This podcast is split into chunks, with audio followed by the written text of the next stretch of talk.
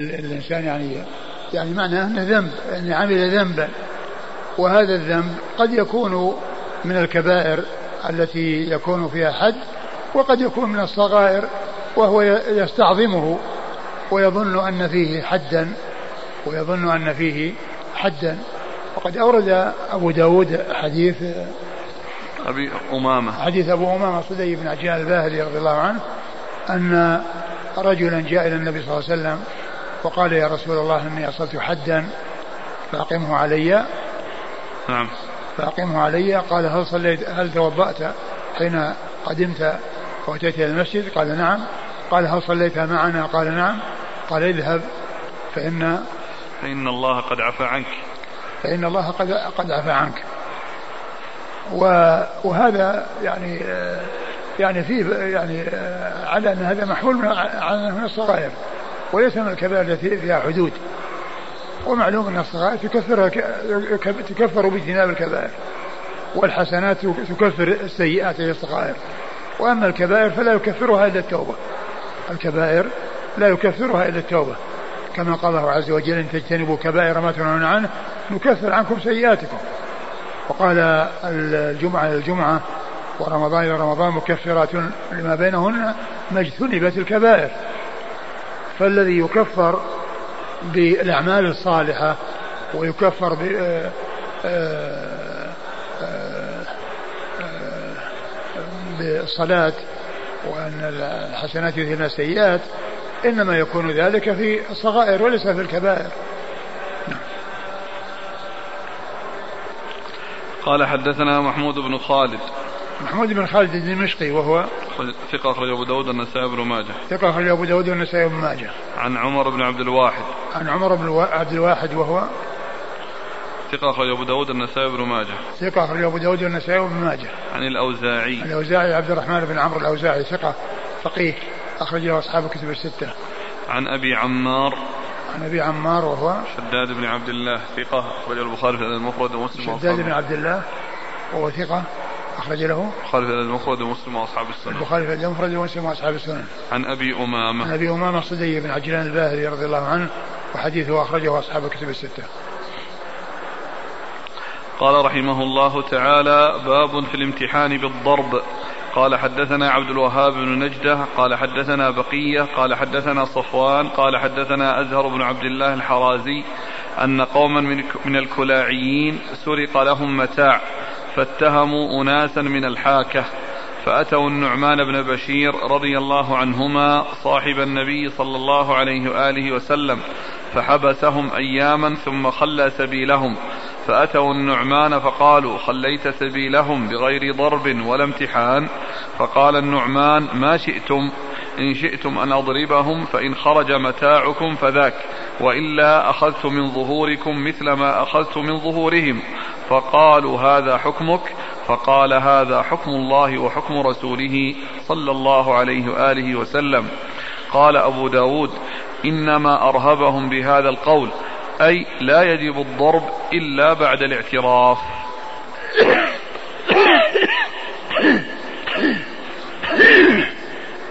ثم ورد أبو داود باب الامتحان بالضرب. يعني المتهم هل يمتحن بالضرب؟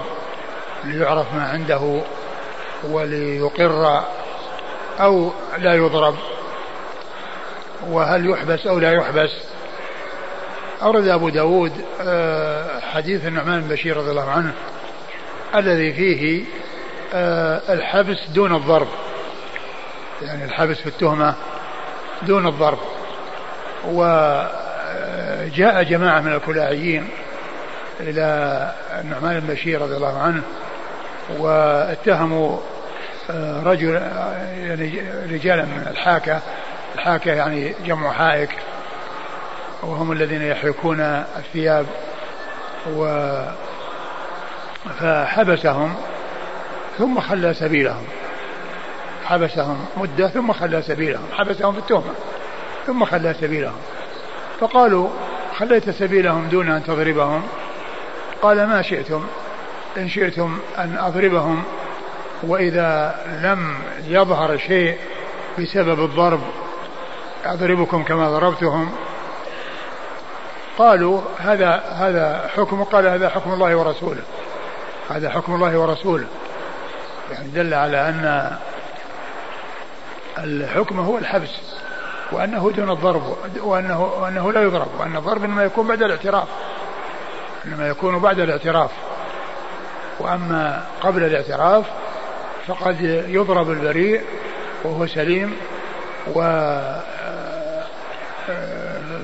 فحديث النعمان المشير رضي الله عنه يدل على جواز الحبس دون الضرب وأخبر بأن هذا حكم الله ورسوله وليس حكمه وهو إنما حكم بالحبس دون الضرب. وأخبرهم أيضا أنهم إن أرادوا أن يضربوا فإذا لم يثبت الذي عليهم بالضرب وأنهم لم يعترفوا فإنه يؤخذ من هؤلاء كما أخذ من ذلك يكون قصاصا لأنهم لا يستحقون الضرب فإذا ضربوا ولم يترتب على ذلك فائدة فإن هؤلاء الذين طلبوا ضربهم أيضا يضربون وأما الحبس فإنه سائغ وقد جاء في هذا الحديث أن النعمان حبسهم ولم يضربهم وقال إن هذا حكم الله ورسوله صلى الله عليه وسلم.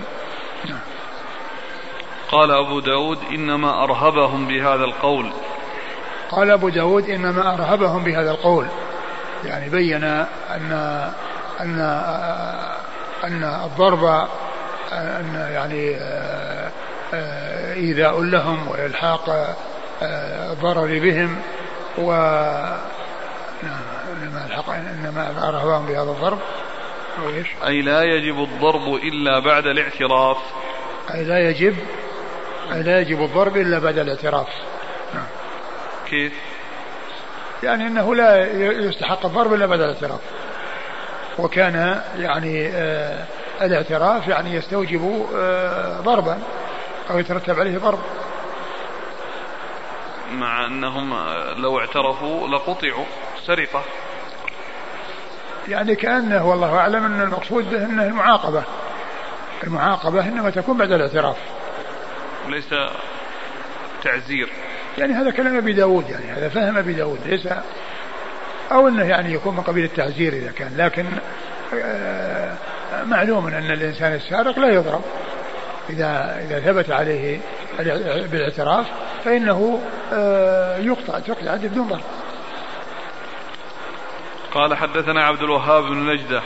عبد الوهاب بن نجدة هو ثقة أخرج أبو داود النسائي. ثقة أخرج أبو داود النسائي. عن بقية. عن بقية بن الوليد وهو صدوق خرج البخاري تعليقا ومسلم وأصحاب السنن. عن صفوان. عن صفوان بن عمرو وهو ثقة أخرج البخاري في الأدب المفرد ومسلم وأصحاب السنن. ثقة أخرجه البخاري في الأدب المفرد ومسلم وأصحاب السنن. عن أزهر بن عبد الله الحرازي. عن أزهر بن عبد الله الحرازي وهو صدوق أخرج أبو داود والترمذي والنسائي. صدوق أخرج أبو داود والترمذي والنسائي. عن نعي... عن نعمان بن بشير. عن نعمان بن بشير رضي الله تعالى عنهما هو صحابي ابن صحابي وحديثه أخرجه أصحاب الكتب الستة. قال رحمه الله تعالى باب ما يقطع فيه السارق. قال حدثنا أحمد بن محمد بن حنبل قال حدثنا سفيان عن الزهري قال سمعته منه عن عمرة عن عائشة رضي الله عنها أن النبي صلى الله عليه وآله وسلم كان يقطع في ربع دينار فصاعدا. ثم ورد أبو داود آه، باب ما يقطع به في السرقة. يعني النصاب الذي يقطع به السرقة إذا بلغه المسروق وإذا كان دونه فإنه لا يقطع به لكونه شيئا يسيرا. آه لم يبلغ الحد الذي يستحق معه القطع. أي أن الترجمة معقودة لبيان المقدار الذي إذا بلغه المسروق فإنه تقطع به اليد. وإذا نقص عنه وقل عنه فإن اليد لا تقطع. أي أنه هنا أن هناك نصاب في السرقة في القطع في السرقة. وقد اختلف العلماء في النصاب أو في مقدار ما تقطع به اليد. فمن العلماء من ذهب إلى القطع بالكثير والقليل. ذهبوا إلى القطع بالكثير والقليل وأخذوا بعموم ما جاء في القرآن. يقول والسارق والسارقة فاقطعوا أيديهما ولم يذكر فيه مقدار لما يقطع به. ف ومن العلماء من آه، أخذ بالتحديد بربع دينار فما زاد على ذلك. وثلاثة دراهم تعادل ربع دينار لأن الدينار كان في ذاك الوقت 12 درهم تعادل دينار.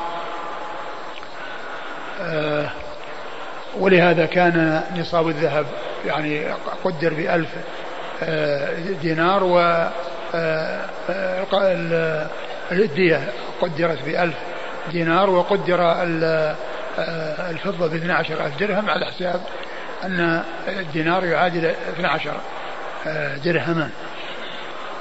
ومنهم من قال غير ذلك. والصحيح هو ما جاءت به الأحاديث الصحيحة الثابتة من القطع في ربع دينار فما زاد على ذلك. من القطع في ربع دينار فما زاد على ذلك وما نقص عنه فإنه لا قطع فيه. فيكون المعتبر في ذلك آه، ربع ربع الدينار. فما نقص عنه فإنه لا يقطع به وما زاد وما بلغه وزاد عليه فإنه يقطع به. أورد أبو داود حديث عائشة رضي الله تعالى عنها أنها أن النبي صلى الله عليه وسلم قال لا. كان صلى الله عليه وسلم يقطع في ربع دينار فصاعدا. كان النبي صلى الله عليه وسلم يقطع في ربع دينار فصاعدا. كان النبي صلى الله عليه وسلم يقطع في ربع دينار فصاعدا. وهذا فيه بيان للتحديد أي أنه ما كان يقطع في أقل من ربع دينار. ما كان يقطع في أقل من ربع دينار وإنما كان يقطع في ربع الدينار وما زاد عليه. يعني فصاعدا يعني فما زاد. فما زاد على ذلك. ربع الدينار فما زاد على ذلك. وما نقص عن ربع الدينار فإنه لا قطع فيه. فهذا فيه الحد أو التفصيل. وما جاء في القرآن من الإطلاق فقد بينته السنة بهذه بهذا الحديث الصحيح وغيره من الأحاديث الصحيحة على أنه على أن هناك آه، نصابا يكون القطع به إذا بلغه المسروق وإذا نقص عنه فإنه لا يقطع به. قال قال الحديث إيش؟ عن عائشة رضي الله عنها أن النبي صلى الله عليه وسلم كان يقطع في ربع دينار فصاعدا. كان يقطع في ربع دينار فصاعدا. وهذا يبين آه، الطريقة التي كان عليها رسول الله صلى الله عليه وسلم وأنه يقطع في الربع في ربع الدينار وما زاد عليه. ومعناه أن ما نقص عن ذلك أنه لا قطع فيه. نعم. قال حدثنا أحمد بن محمد بن حنبل أحمد بن محمد بن حنبل الشيباني الإمام الفقيه آه، أحد أصحاب المذاهب الأربعة المشهورة من مذاهب السنة وحديثة أخرج أصحاب الكتب الستة. عن سفيان عن الزهري. عن سفيان هو ابن عيينة وهو ثقة أخرجه أصحاب الكتب الستة والزهري هو محمد بن مسلم بن عبد الله بن شهاب ثقة أخرجه أصحاب الكتب الستة. قال سمعته منه. قال سمعته منه آه إيش عن؟ سفيان عن الزهري قال سمعته منه عن عمرة. يعني سمعته منه يعني سفيان يعني يقول أن سمعه آه، من الزهري عن عمرة. نعم. ليرفع تهمة التدليس. نعم. عن عمرة. الزهري يعني تدليس قليل نادر. سفيان سفيان. نعم من سفيان نعم صح. أما الزهري فهو تدليس نادر. يعني يدلس نادرا. وأما سفيان معروف التدليس وهذا فيه بيان يعني آه نعم رفع تهمة التدليس عن سفيان. لأنه معروف بالتدليس نعم عن عمرة عن عمرة بنت عبد الرحمن وهي ثقة أخرجها أصحاب الكتب الستة. عن عائشة. عن عائشة أم المؤمنين رضي الله عنها وأرضاها الصديقة في الصديق وهي واحدة من سبعة أشخاص عرفوا بكثرة الحديث عن النبي صلى الله عليه وسلم.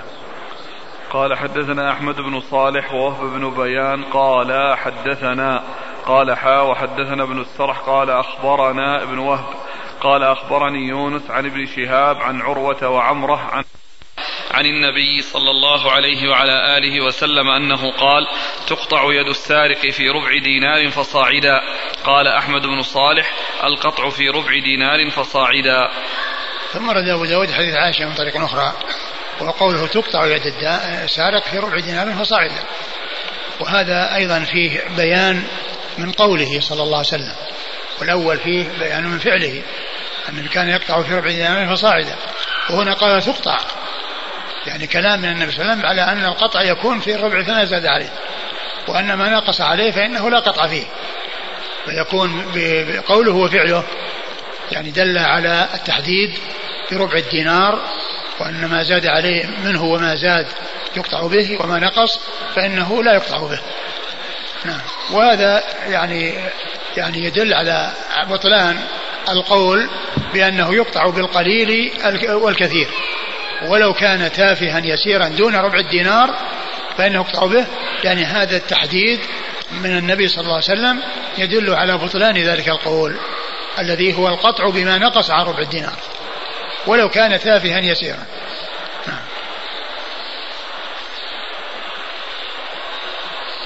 قال حدثنا أحمد بن صالح أحمد بن صالح ثقة أخرجه البخاري وأبو داود والترمذي والشمائل. ووهب بن بيان. وهب بن بيان وهو ثقة أخرج أبو داود النسائي ثقة أخرج أبو داود النسائي قال حدثنا قال حاء وحدثنا ابن السرح قال أخبرنا ابن وهب. وهؤلاء ثلاث شيوخ لأبي داود اثنان منهم عبروا بحدثنا في الرواية عن ابن وهب. وأما الشيخ الثالث فإنه عبر بأخبرنا. وهذا هو سبب التحويل بعد الصيغة لبيان الاختلاف في الصيغة وأن الشيخين الأولين كل منهما يقول حدثنا ابن وهب وأما الشيخ الثالث فإنه لم يقل حدثنا وإنما قال أخبرنا ابن وهب. نعم. وحد. وحدثنا ابن السرح. ابن السرح هو أحمد آه، بن عمرو بن السرح ثقة أخرج حديث مسلم وأبو داود والنسائي وابن ماجه. عن ابن وهب. ابن وهب مر ذكره. عن يونس. يونس بن يزيد الأيلي ثقة أخرج له أصحاب الكتب الستة. عن ابن شهاب عن, عن عروة شهاب مر ذكره عروة بن الزبير بن عوام ثقة فقيه أحد فقهاء المدينة السبعة في عصر التابعين أخرج له أصحاب الكتب الستة. وعمرة مر ذكرها عن, عن عائشة مر ذكرها. قال أحمد بن صالح القطع في ربع دينار فصاعدا. قال أحمد بن صالح يعني في روايته آه القطع في ربع دينار فصاعدا يعني تعبيره القطع وأما ذاك قال تقطع اللي هم إيش اللي هو وهب بن بيان وهب بن بيان نعم وهب بن بيان و آه ابن السرح وابن السرح والثالث من هو؟ معهم أحمد بن صالح. أحمد بن صالح نعم. يعني هو قال القطع والآخران قال تقطع. قال حدثنا عبد الله بن مسلمة قال حدثنا مالك عن نافع عن ابن عمر رضي الله عنهما أن رسول الله صلى الله عليه وآله وسلم قطع في مجن ثمنه ثلاثة دراهم. ثم ورد أبو داود حديث ابن عمر أن النبي صلى الله عليه وسلم قطع في مجن قيمته ثلاث دراهم. والمجن هو الترس الذي يجعل في الوقاية في الحرب. وقيمته ثلاثة دراهم وثلاثة دراهم تعادل ربع دينار. لأن الدينار 12 درهم. وهنا يعني آه، آه، اختلف العلماء هل يرجع إلى الدراهم أو إلى الذهب هل الذهب أو إلى الفضة. والذي جاء في الحديث حديث عائشة يدل على أن الذهب هو الذي يعتبر لأنه قال تقطع في ربع دينار. فصاعدا. وأما هذا الذي حصل قطع في مجان قيمته ثلاث دراهم قوم بثلاثة دراهم. يعني أنه قوم بثلاثة دراهم والرسول صلى الله عليه وسلم آه، أخبر بأن القطع يكون في ربع دينار. فإذا كان فإذا المرجع في ذلك هو آه، آه، القيمة في الذهب وأن ربع الدينار سواء نقصت قيمته أو زادت فإن المعتبر هو الربع. وقد يزيد يعني من حيث التفاوت بين الذهب والفضة بأن يعني يزيد السعر وينقص. فإذا اعتبر ربع الدينار فإن آه، المرجع يكون إليه. ثم أيضا هذه قضية يعني معينة. وأما ذاك فيه تشريع وبيان لأن المعتبر هو القطع بربع دينار فصاعدا وعلى هذا فيكون آه، ذلك آه، قيمة ثلاث دراهم. تعادل ربع دينار. نعم. قال حدثنا عبد الله بن مسلمة. عبد الله بن مسلمة القعنبي ثقة أخرج له أصحاب الكتب الستة إلا ابن ماجه. عن مالك. مالك بن أنس إمام دار الهجرة المحدث الفقيه أحد أصحاب المذاهب الأربعة المشهورة من مذاهب السنة وحديثه أخرجه أصحاب الكتب الستة. عن نافع. عن نافع مولى بن عمر وهو ثقة أخرجه أصحاب الكتب الستة. عن عبد الله بن عمر رضي الله عنهما الصحابي الجليل وهو أحد العبادلة الأربعة من الصحابة وأحد السبع المعروفين بكثرة الحديث عن النبي صلى الله عليه وسلم وهذا الإسناد رباعي من أعلى الأسانيد عند أبي داود.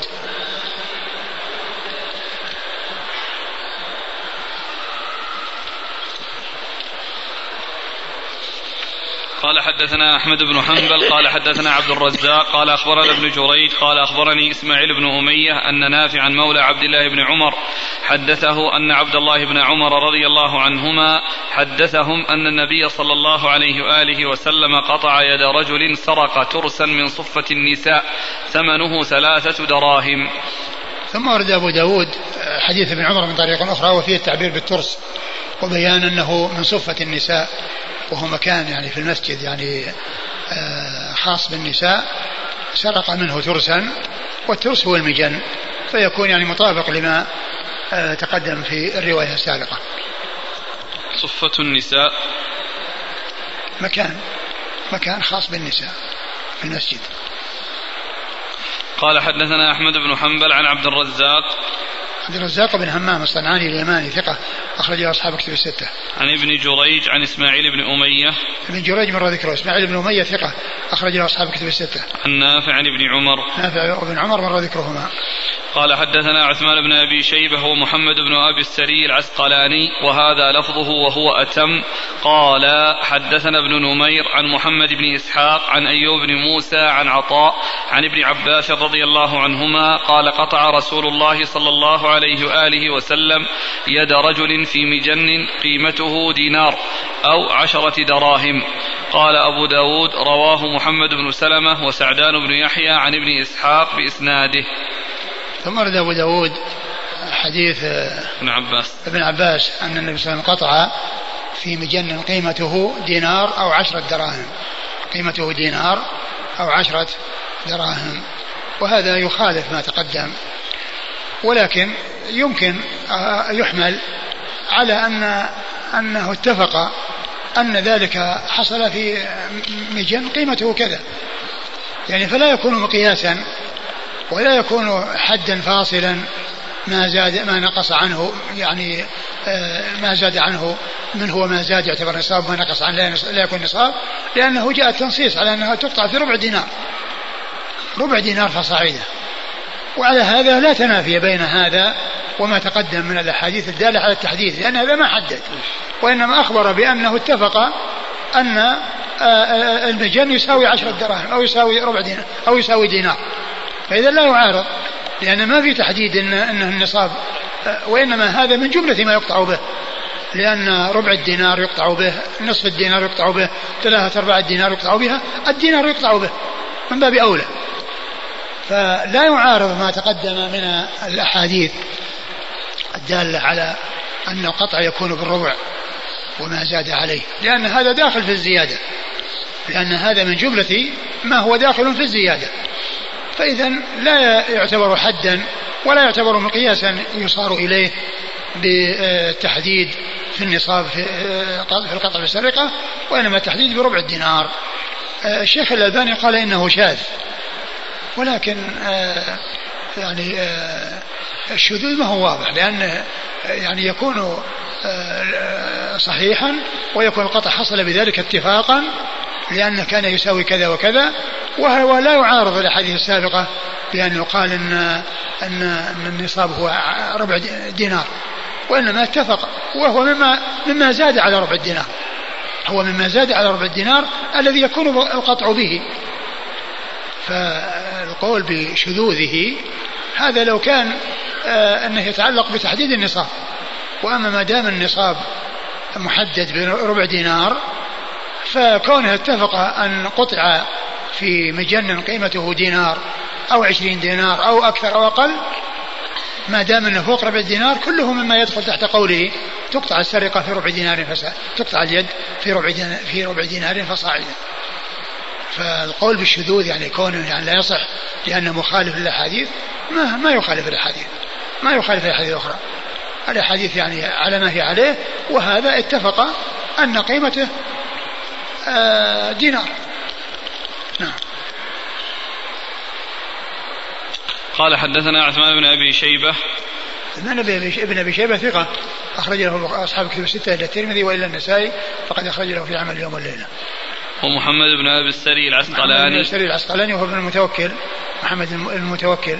وهو صدوق له أوهام كثيرة اخرج أبو كثيرة اخرج له أبو داود أبو داود وهذا لفظه وتم عن ابن نمير بن نمير هو عبد الله بن نمير ثقة أخرجه أصحاب كتب الستة. عن محمد بن إسحاق. عن محمد بن إسحاق المدني وهو صدوق أخرجه البخاري تعليقا ومسلم وأصحاب السنة.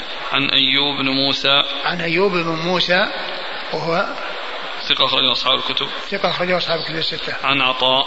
عن عطاء بن أبي رباح وهو ثقة أخرجه أصحاب الكتب الستة. عن ابن عباس. عن عباس عبد الله بن عباس بن عبد المطلب ابن عم النبي صلى الله عليه وسلم وأحد العباد الأربعة من الصحابة وأحد السبع المعروفين بكثرة الحديث عن النبي صلى الله عليه وسلم.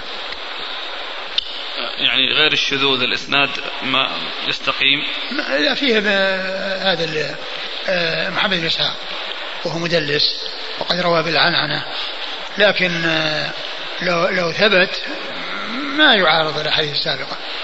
أقول لو ثبت طبعا الشاذ يعني هو الثابت. الشاذ يطلق على الثابت لأن الشاذ هو ما رواه الثقة مخالفا من هو أوثق منه. ولكن آه، فيه فيه يعني ابن إسحاق وهو مدلس والرواية بالعنعنه ولو ثبت فإنه لا يعارض ولا يقال إنه شاذ. يقول الأخ ألا يمكن القول بأن الشذوذ في تحديد قيمة الدينار؟ حيث قال عشرة دراهم. لا هذا شك. ربع دينار أو عشرة دراهم. قيمته دينار أو عشرة دراهم. قال أبو داود رواه محمد بن سلمة وسعدان بن يحيى عن ابن إسحاق بإسناده. محمد بن سلمة هو الحراني هو ثقة أخرج حديث البخاري جزء قراه مسلم وأصحاب السنن وسعدان بن يحيى. وسعدان بن يحيى هو سعيد. بن يحيى اللخمي. اللخمي وهو صدوق وسط أخرج البخاري والنسائي بن ماجه. أخرجه البخاري والنسائي بن ماجه. النسائي وابن ماجه. قال رحمه الله تعالى باب ما لا قطع فيه. والله تعالى أعلم وصلى الله وسلم وبارك على عبده ورسوله نبينا محمد وعلى آله وأصحابه أجمعين. جزاكم الله خيرا وبارك الله فيكم ونفعنا الله ما قلتم.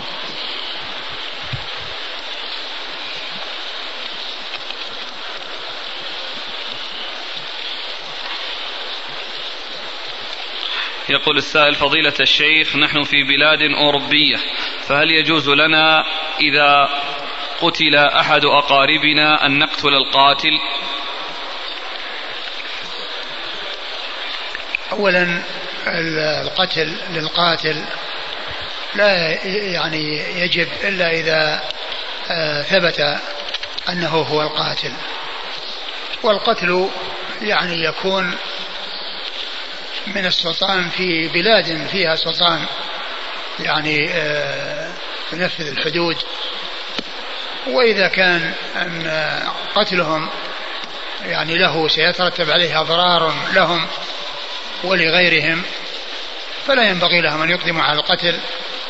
الذي قد ينتج عنه ما هو أكثر من قتيلهم الذي قتل الذي قتل فإذا كان سيترتب على ذلك أضرار أكثر من ذهاب ذلك القتيل فلا فلا يقدموا في باب العفو عن الحدود ما لم تبلغ السلطان. من ينوب مناب السلطان في هذا الزمان؟ آه كما هو معلوم القضاة وكذلك ال يعني ال آه، يعني الأمراء الذين يعني آه، آه، تكون الأمور تصل إليهم أول ثم يرفعونها للقضاة ليحكموا فيها فهم نواب الإمام. يقول السائل هل يدخل في نواب السلطان مثلا الشرطة؟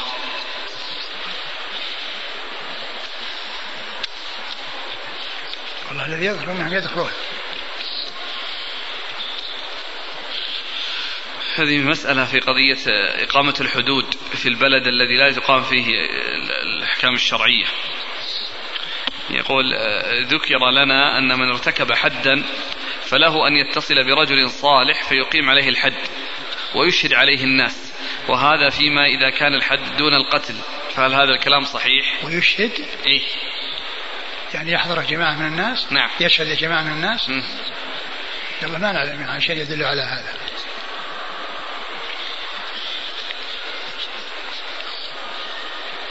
يقول إذا بلغت الحدود السلطان فهل للمجني عليه أن يعفو؟ لا. لأن الحديث الذي سبق أن تعافوا الحدود فيما بينكم فما بلغني من حد فقد وجب. لأنها أشكل قضية القتل وإذا جاء وقت القصاص فربما يعني عفى أصحاب الحق. لا هذا كما هو معلوم مسألة القصاص غير مسألة الحدود. لأن هذه حقوق للناس وأما الحدود حقوق لله. الحدود حقوق لله. وأما القصاص هو حق للناس. إذا عفوا فلهم ذلك. بل, بل هم مرغبون في العفو ولهم أن يعفوا بالدية وأن يأخذوا يعني أكثر من الدية. يعني إذا أرادوا أخذوا مالا.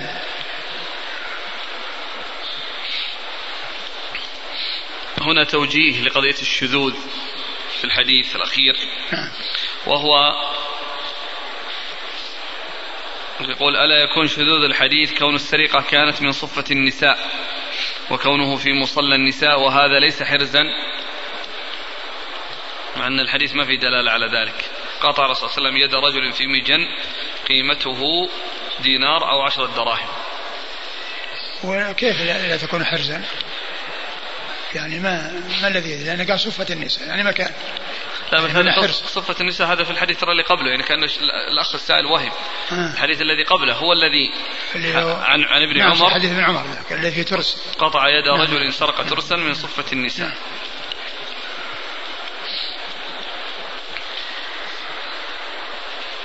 يقول إذا عرف السلطان أن رجلا أصاب حدا وعرف ذلك بدون طريقة رسمية كأن يرى رجلا يشرب الخمر ولم يصل إليه بالقبض عليه فهل له أن يعفو عنه؟ من هو؟ فهل له؟ يقول عرف السلطان أن رجلا أصاب حدا مثلا رآه يشرب الخمر ولكن لم ترفع إليه القضية فله أن يعفو عنه؟ نفس السلطان أي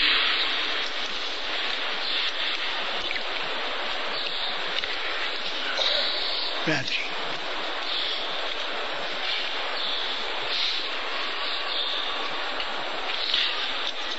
هل يسقط حد حد القذف إذا بلغ السلطان وعفى المقذوف؟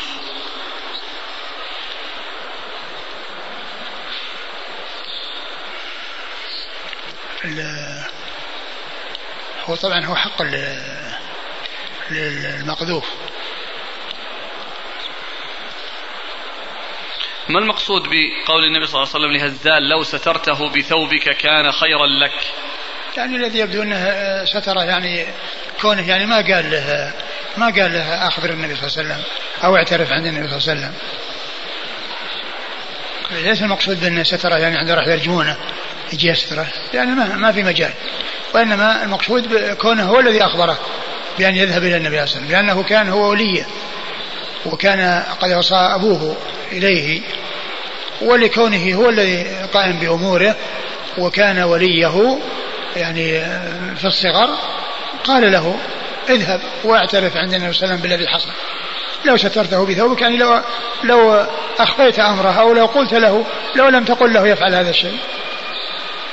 يعني استخدم الثوب وما أراد حقيقة نعم الثوب. نعم هو الذي يبدو نعم. قال هل يستحب الستر على الجاني والمذنب في الحرم؟ آه أنا ذكرت في تفصيل وهو أنه إذا كان الإنسان يعني ما هو معروف بالسوابق ويعني آه، فهذا يعني آه، الستر عليه يعني لا بأس به.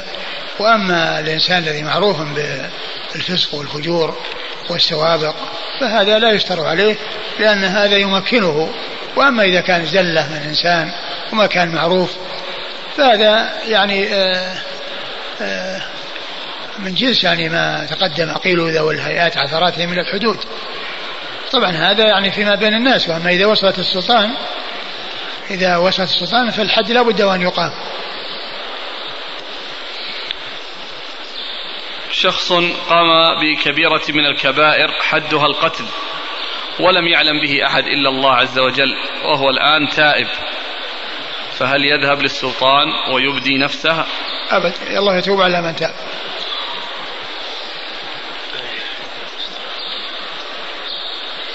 يقول قول النبي صلى الله عليه وسلم للمرأة اذهبي فقد غفر الله لك. ألا يكون ذلك لأنها اتهمت رجل وهو بريء؟ لعل هذا هو السبب. لعل هذا هو السبب لأن ذاك آه، ما هو ذنب. ما هو ذنب بفعلها مجبرة عليه مكره عليه. ولكن الذنب الذي حصل منها اتهامها البريء. هل يسأل القاضي من أقر بالزنا عن المرأة التي زنى بها حتى يقام عليها الحد؟ مولى ليس بلازم ما دام أنه اعترف بالزنا وحتى لو حتى لو حتى لو أقر على امرأة يعني اعترافه وإقراره يعني لا, لا, لا يكفي حتى تعترف هي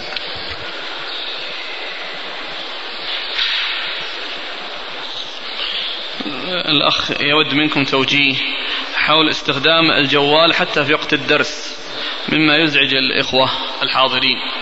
الجوال ينبغي أن يعني يغلق في المساجد والإنسان يعني يتخذ هذه الفرصة أو هذه الوقت القصير وهو جلوسه في المسجد.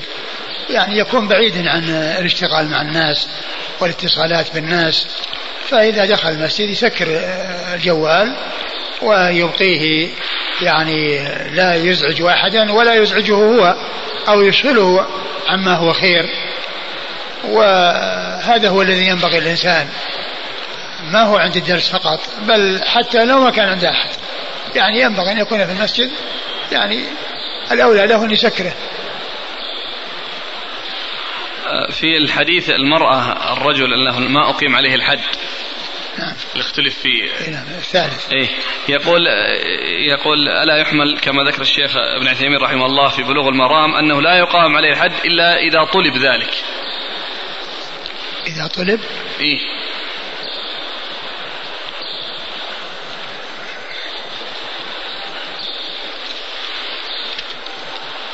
من يطلبها يعني قضية الحد قد يكون متعلق بأناس لكن قد يكون يعني آه، آه، شيء هو نفسه اعتراف به ولا أخبر بالجهة ولا أخبر بالجهة التي التي آه، حصل منها وحصل في الجناية عليها. ف ما أدري في بلوغ المرام قال هذا؟ هكذا كتب له. والشيخ الألباني ذكر أن ابن القيم بحث في إعلام الموقعين. يعني المسألة هذه اللي قضية آه، كونه لم يرجم وأن من تاب يعني توبة صادقة أنه أنه بحثه في إعلام الموقعين وهذا توجيه لعله تاب قبل أن يقدر عليه. فقام إنما ليحمي هذا الرجل من أن يقام عليه. هو المعروف أن التوبة قبل القدرة إنما تكون في المحاربة.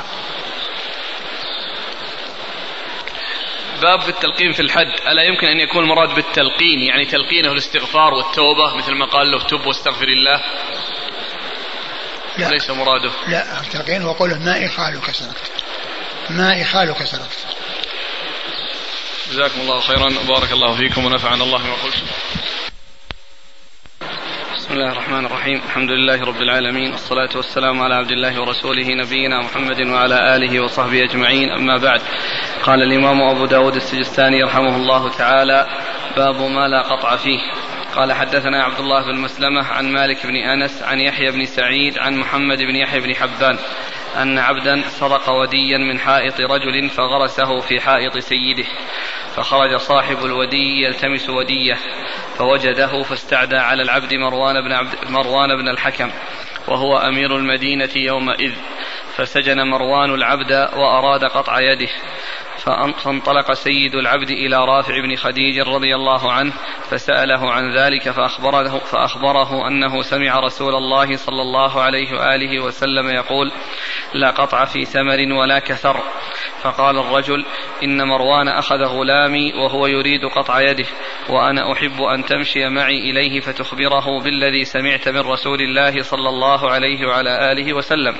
فمشى معه رافع بن خديج رضي الله عنه حتى أتى مروان بن الحكم فقال له رافع سمعت رسول الله صلى الله عليه وآله وسلم يقول لا قطع في ثمر ولا كثر فأمر مروان بالعبد فأرسل.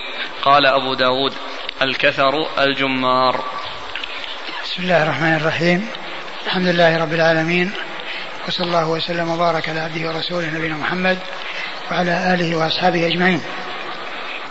أما بعد فيقول الإمام أبو داود السجستاني رحمه الله تعالى باب فيما لا قطع فيه أي فيما إذا أخذ لا تقطع فيه اليد. لا قطع فيه لأنه لا يعتبر سرقة. آه، أورد أبو داود رحمه الله في هذا الباب حديث آه، رافع بن خديج. رافع بن خديج رضي الله تعالى عنه وذلك أن عبدا لرجل سرق أو أخذ وديا لإنسان فغرسه في بستان سيده ففقد صاحب البستان ذلك الودي فأخذ يلتمسه فوجده في بستان ذلك الرجل فاستعدى آه، على ذلك العبد آه، صاحب البستان المأخوذ وديه آه، عليه مروان بن الحكم وكان أمير المدينة. يعني في ذلك الوقت. أي أنه استعان به عليه فأخذه مروان وحبسه وأراد أن يقطعه فذهب سيد ذلك العبد إلى رافع بن خديج رضي الله تعالى عنه يسأله عن آه هذا الذي فعله عبده فروى له عن النبي صلى الله عليه وسلم أنه قال لا قطع في ثمر ولا كثر لا قطع في ثمر ولا كثر. فطلب منه أن يمشي معه أي طلب صاحب البستان الذي هو سيد العبد الذي أخذ الودي وغرس في بستانه فطلب منه أن يمشي معه إلى مروان بن الحكم ويخبره بالذي سمعه من النبي صلى الله عليه وسلم فمشى معه؟ وحدثه بالحديث عن رسول الله عليه الصلاة والسلام فعند ذلك أرسله أي آه، أطلقه من الحبس ومن السجن. والحديث يدل على أن الثمر الذي في النخل أنه إذا كان الإنسان جاء وأخذ منه وأكل فإنه لا قطع عليه لأن هذا مما يحتاج إليه ولا سيما إذا كان في طريق ومر عابر سبيل أو ابن سبيل ووجد ذلك الثمر في نخل ورقى وأكل منه ولم يتخذ معه شيئا يصحبه معه فإنه لا قطع عليه في ذلك. وكذلك أيضا آه، الكثر الذي هو الجمار.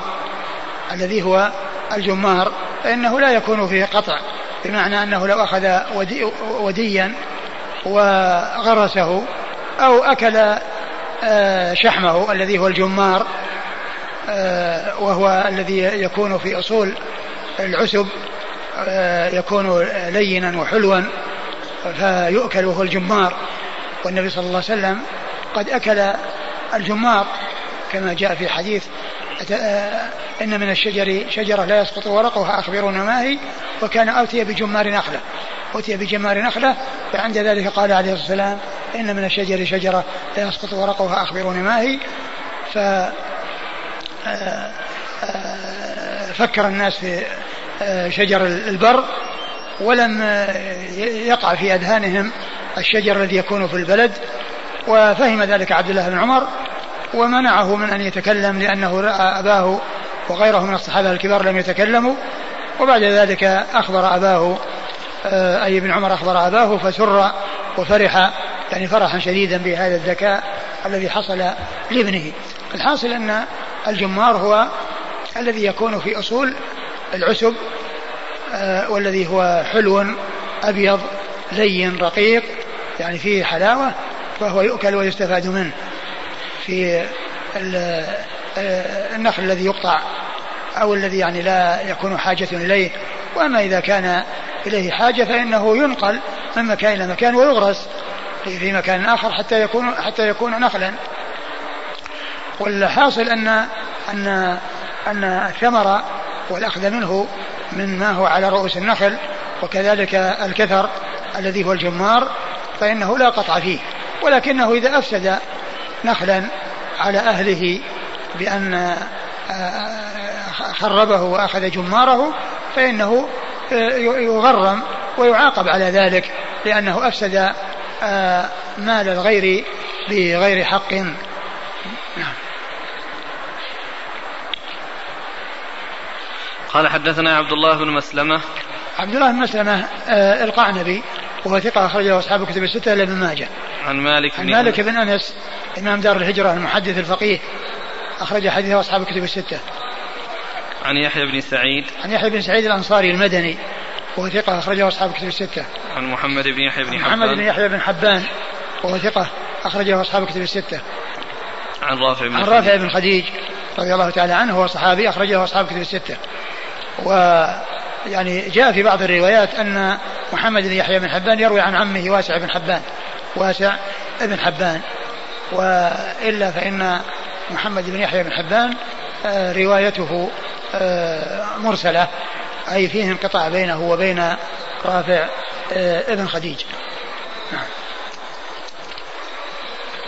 قال قال حدثنا محمد بن عبيد قال حدثنا حماد قال حدثنا يحيى عن محمد بن يحيى بن حبان بهذا الحديث.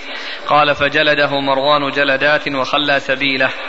ثم ورد أبو داود الحديث من طريق أخرى وفيه أنه جلده جلدات وخلى سبيله يعني تعزيرا على اعتدائه على مال الغير بغير حق. نعم. قال حدثنا محمد بن عبيد. محمد بن عبيد بن حساب وهو صدوق أخرج هذا مسلم. وأبو داود النسائي. وأبو داود ثقة أخرجه مسلم. وأبو داود النسائي. عن حماد. عن حماد. وابن بن زيد. ثقة أخرج له أصحاب الكتب الستة. عن يحيى عن محمد بن يحيى بن حبان. بهذا عن يحيى محمد بن يحيى بن حبان مر ذكرهما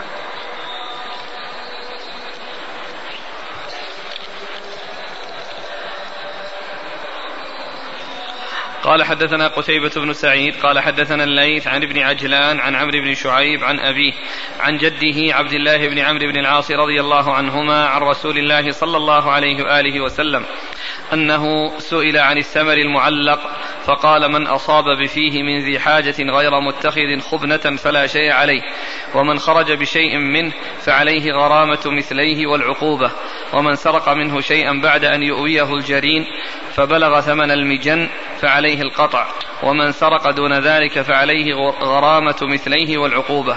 قال أبو داود الجرين الجوخان الجوخان. ثم ورد أبو داود حديث عبد الله بن عمرو العاص رضي الله تعالى عنهما أنه سئل عن الثمر المعلق. أي المعلق على رؤوس النخل الذي لم يقطع وإنما, لا وإنما هو لا يزال في رؤوس رؤوس أصوله لم يقطع ولم آه، يؤوى إلى المكان الذي آه، يحفظ فيه أو يخزن فيه أو ييبس فيه. فقال من أخذ بفيه يعني معناه أنه أكل طعاما سد به جوعته فليس عليه شيء. فليس عليه شيء لأن هذا شيء قد يحتاج الناس إليه ولكن لا سيما عابر السبيل عندما يمرون بنخل فيه ثمر فيأكلون بأفواههم ولا يحملون شيئا. فإذا اقتصر على الأكل منه بنفسه دون أن يحمل شيئا فإنه لا شيء عليه. وقد رخص له في ذلك. وإن اتخذ خبنة يعني حمل معه شيئا يعني حمله في ثيابه أو في غير ثيابه فإنه يعاقب عليه غرامة مثليه والعقوبة. والعقوبة هي جلدات نكالا لأنه أخذ شيئا لا يستحقه ولكنه لا يقطع به لأنه آه، أبيح آه، آه، الأكل منه في حال الحاجة إليه فمن أخذ شيئا زائدا على ذلك أخذ فوق الحاجة وفوق ما أذن له فيه فيؤاخذ بغرامة مثليه والعقوبة والعقوبة جلدات نكالا ثم قال إيش فإذا أواه الجرين. من أصاب بفيه من ذي حاجة غير متخذ خبنة فلا شيء عليه ومن خرج بشيء منه فعليه غرامة مثليه والعقوبة ومن سرق منه شيئا بعد أن يؤويه الجرين فبلغ ثمن المجن فعليه القطع. ومن سرق منه شيئا بعد أن يؤويه الجرين بعدما جذ وضع في الجرين وهو المكان المخصص له والذي يحفظ فيه ويلبس فيه فإنه يكون أخذه من حرزه. وعليه إذا كان بلغ ثمن المجن فعليه القطع. لأنه سرق مالا آه، آه، يقطع فيه لأنه أخذ من حرزه. فإن كان لم يبلغ الحرز لم يبلغ النصاب فإنه يغرم مثليه والعقوبة. يعني كالذي أخذ منه وهو معلق فإنه يعاقب بمثله والعقوبة أي الجلد لأنه لم يصل إلى حد القطع. وإذا وصل إلى حد القطع بأن كان نصابا فأكثر فإنه يقطع. وإذا كان لم يبلغ نصابا فإن فإنه يغرم مثليه ويكون أيضا عليه العقوبة مع ذلك. ومن سرق دون ذلك فعليه غرامة مثليه والعقوبة. ومن سرق دون ذلك يعني دون ثمن المجن دون النصاب الذي يقطع به السرقة فعليه غرامة مثليه والعقوبة. قال حدثنا قتيبة بن سعيد. قتيبة بن سعيد بن جميل بن طريف البغلاني ثقة أخرج له أصحاب الكتب الستة. عن الليث. عن الليث بن سعد المصري ثقة فقيه أخرج له أصحاب الكتب الستة. عن ابن عجلان. عن ابن عجلان محمد بن عجلان المدني صدوق. أخرج له البخاري تعليقا ومسلم وأصحاب السنن. عن عمرو بن شعيب عن عمرو بن شعيب وهو عمرو بن, مح... بن شعيب بن محمد بن عبد الله بن عمرو بن العاص وهو صدوق أخرجه البخاري في جزء القراءة وأصحاب السنن. عن أبيه عن أبيه وهو شعيب بن محمد أخرجه البخاري في جزء القراءة والأدب المفرد وأصحاب السنن عن جده عبد الله بن عمرو بن العاص وهو صحابي أخرج له أصحاب الكتب الستة وهو أحد العباد الأربعة من الصحابة. وهذا الحديث فيه التصريح بأن الجد هو عبد الله بن عمرو. فيكون عندما يأتي عن عمرو بن شعيب عن أبيه عن جده يكون مقصوده عبد الله بن عمرو. لأن هنا ذكر الجد وذكر آه سماه. قال جده عبد الله بن عمرو وقد صح سماع شعيب من جده عبد الله بن عمرو فهو متصل. نعم. الحديث السابق محمد بن عبيد عن حماد عن يحيى عن محمد بن يحيى بن حبان بهذا الحديث قال فجلده مروان جلدات وخلى سبيله. الشيخ الألباني حكم عليه؟ قال إنه شاذ. السؤال وجه. ما أدري وجه الشذوذ لأن هذا يعني آه، آه، فيه فيه العقوبة يعني اللي هو التعزير لأنه اعتدى على مال الغير. يعني بغير حق. فهو من جنس هذه العقوبة التي جاءت في هذا الحديث الذي فيه العقوبة. يعني إذا كان أخذ شيئا معه فإنه يغرم مثليه وعليه العقوبة. فهي يعني جلدات يعني نكالا ما أدري وجه يعني كونها كونه يعني شاذ يعني. لأن قضية يعني ذكر الجلدات هذه سكت عنها ذاك الحديث الأول وهذا أثبتها. وذكرها وتكون يعني يعني شيء زائد على ما تقدم. ومن حفظ حجة على من لم يحفظ. ثم أيضا متفق مع ما جاء في الحديث الذي بعده من جهة أن الإنسان عندما يعتدي على مال غيره ولا يستحق القطع فإنه آه، يعزر.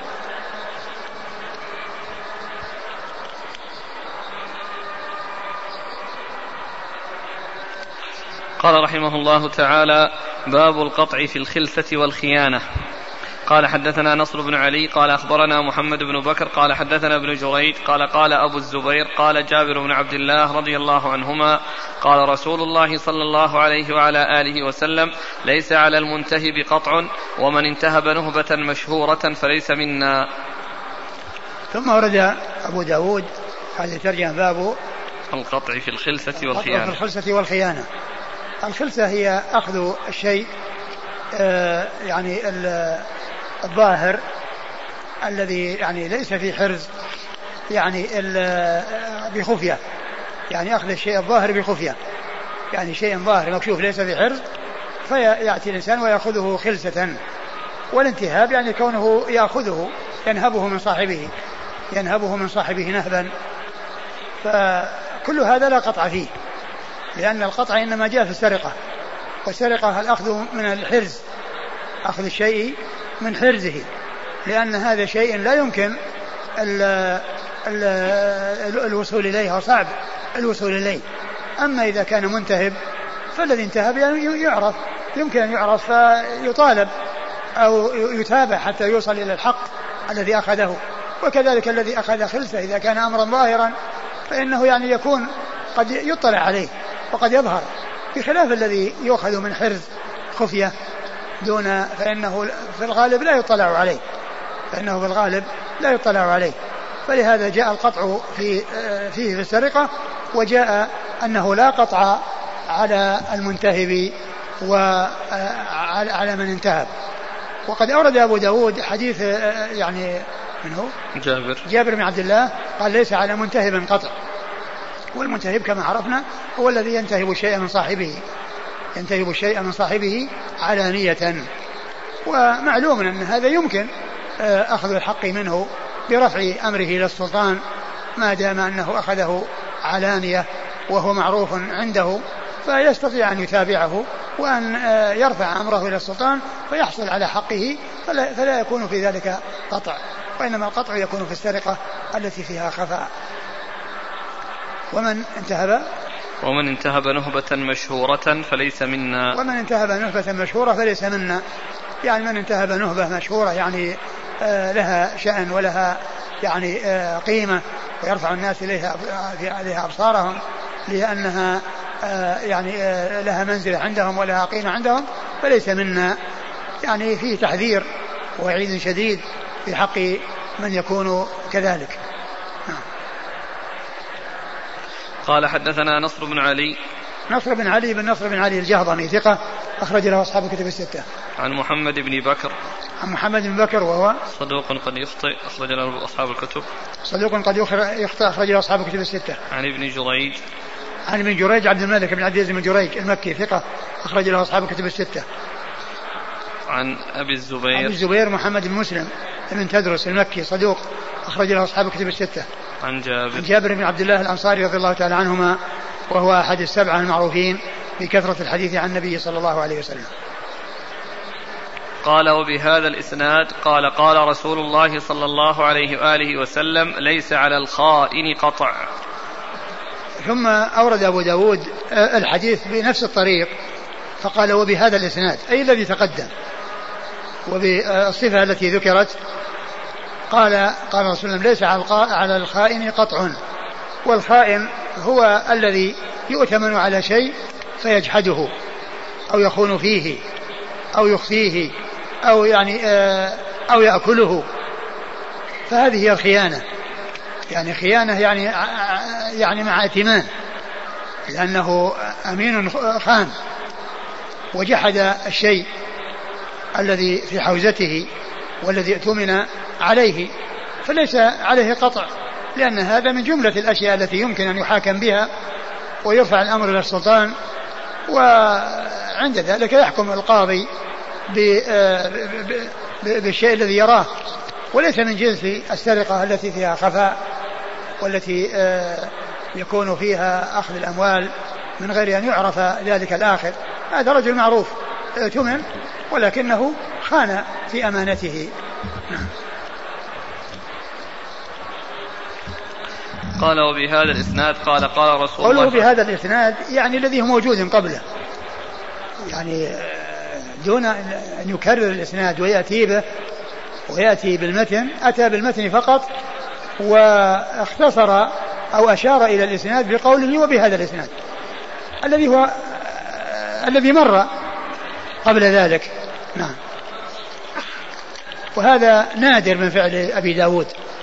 كونه يعني يقول بهذا الإسناد آه، كان من عادته أن يكرر الأسانيد ويأتي بالإسناد مكررا. ولكنه هنا اكتفى بهذه العبارة عن أن يسوق الإسناد من أوله إلى آخره. طيب ما حكم الإسناد من حيث أن فيه ابن جريج وأبو الزبير؟ هو سيأتي قال أنه لم يسمعه. قال ذلك بعد بعد الحديث اللي بعده نعم. طيب الآن التبويب. باب باب القطع في الخلسة والخيانة. نعم. فعبر بالقطع. إيه يعني معناه الحكم. يعني حكم القطع هل يقطع أو لا يقطع؟ والجواب أنه لا يقطع. يعني القطع يعني حكمه هل يكون أو لا يكون؟ والجواب أنه لا يكون.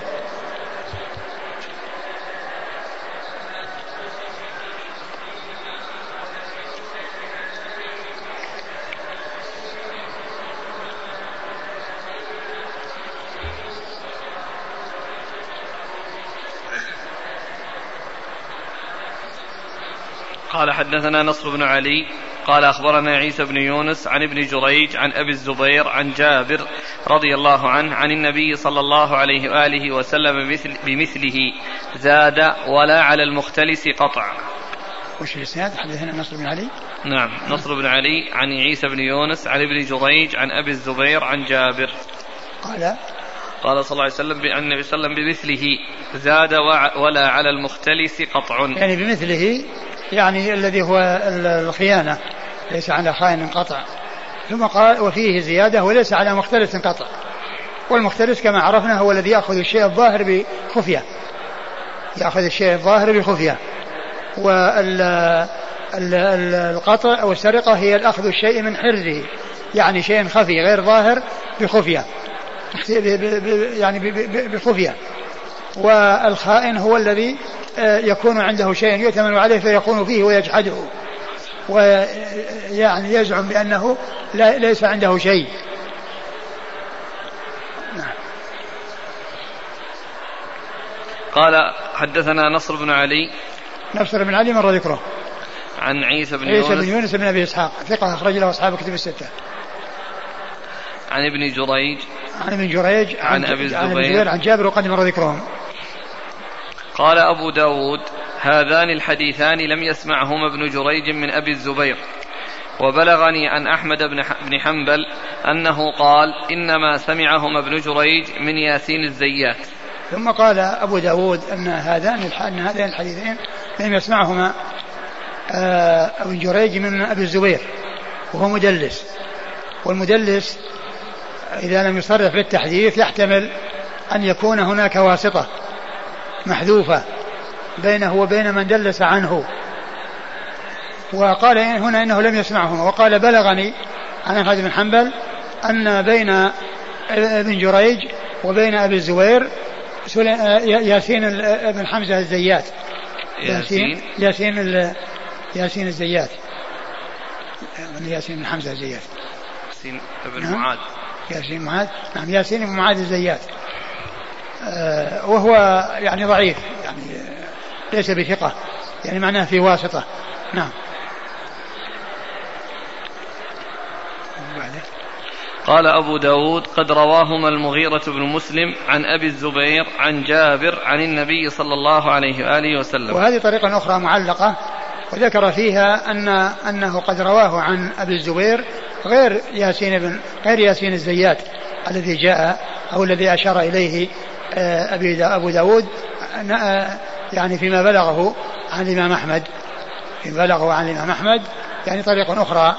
وعلى هذا فهذا الذي جاء من طريق ابن الزبير أبي الزبير آه، بن جريج عن أبي الزبير بالعنعنة قد جاء ما يعضده وما يؤيده فارتفع من كونه متوقفا فيه إلى كونه حجة. معمولا فيه لأنه جاء ما يؤيده. نعم. قد رواهما المغيرة بن مسلم. آه، آه، أولا ياسين ذاك من من خرج له؟ ماذا قال فيه في التقريب؟ هذا ليس عندنا في التقريب. ما في التقريب؟ هذا من لسان من اللسان. نعم. هذا لم يذكره الحافظ في التقريب وإنما ذكره في لسان الميزان. إيه، يعني ما فيه ونقل عن الأئمة تضعيفه بل منهم من قال بأنه متروك أو نعم. منكر الحديث نعم. هو ضعفه. هو ضعيف لكنه يعني كأنه ليس له رواية عند أصحاب الكتب الستة. وذكر أبي داود له هنا في المعلقات. ومعلوم أنه لا يذكر ترجم تراجم لمن علق لهم. ولكنه إذا كان يشابه أحد يعني آه، فإنه يتابه يقال تمييز. إذا كان يعني يشابه. يعني هذا أنه يتابه يقال تمييز. وياسين آه، بن معاذ الزيات هذا ضعيف. قد ذكر الحافظ بن حجر في ترجمة في كتابه تهذيب التهذيب آه، في حديث من حديث المهدي. قال وكان هناك ياسين العجلي. ياسين العجلي. قال الحافظ بن حجر وقد ظن بعض المتأخرين وقد جاء ذكر ياسين غير منسوب عند ابن ماجه. فظنه بعض المتأخرين ياسين بن معاذ الزيات فضعف الحديث به ولم يصنع شيئا.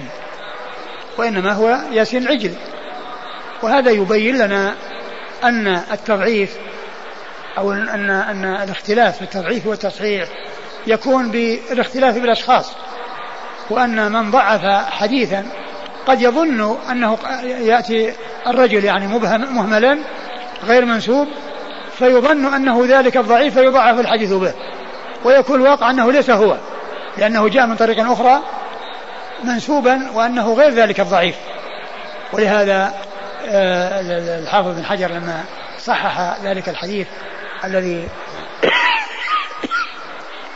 في المهدي ما أذكر يعني لفظ الحديث ولكنه صححه وقال إن بعض المتأخرين ظن أن ياسين هذا وهو غير منسوب عند ابن ماجه ظن أنه ياسين الزيات. فضعف الحديث بسببه فلم يصنع شيئا. يعني معناه أن عمله غير صحيح. لأنه ليس ياسين الزيات اللي هو ضعيف وإنما هو ياسين العجلي. قال أبو داود قد رواهما المغيرة بن مسلم. المغيرة بن مسلم هو؟ صدوق خرج البخاري في المفرد والترمذي والنسائي وابن ماجه. صدوق خرج البخاري في المفرد والترمذي وأبو داود ما في أبو داود. لا. أيوه والترمذي وابن ماجه. والنسائي وابن ماجه. والنسائي وابن ماجه. ما ذكر أبو داود لأنه جاء هنا معلق ولم يأتي في المسندات. وكان الاتيان بمن روى له أبو داود في المسندات لا في المعلقات.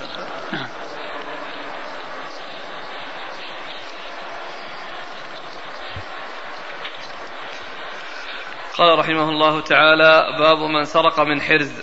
قال حدثنا محمد بن يحيى بن فارس. قال حدثنا عمرو بن حماد بن طلحة. قال حدثنا أسباط عن سماك بن حرب عن حميد بن أخت صفوان عن صفوان بن أمية رضي الله عنه أنه قال كنت نائما في المسجد علي خميصة لي ثمنها ثمنها ثلاثين درهما ثلاثين أو ثلاثون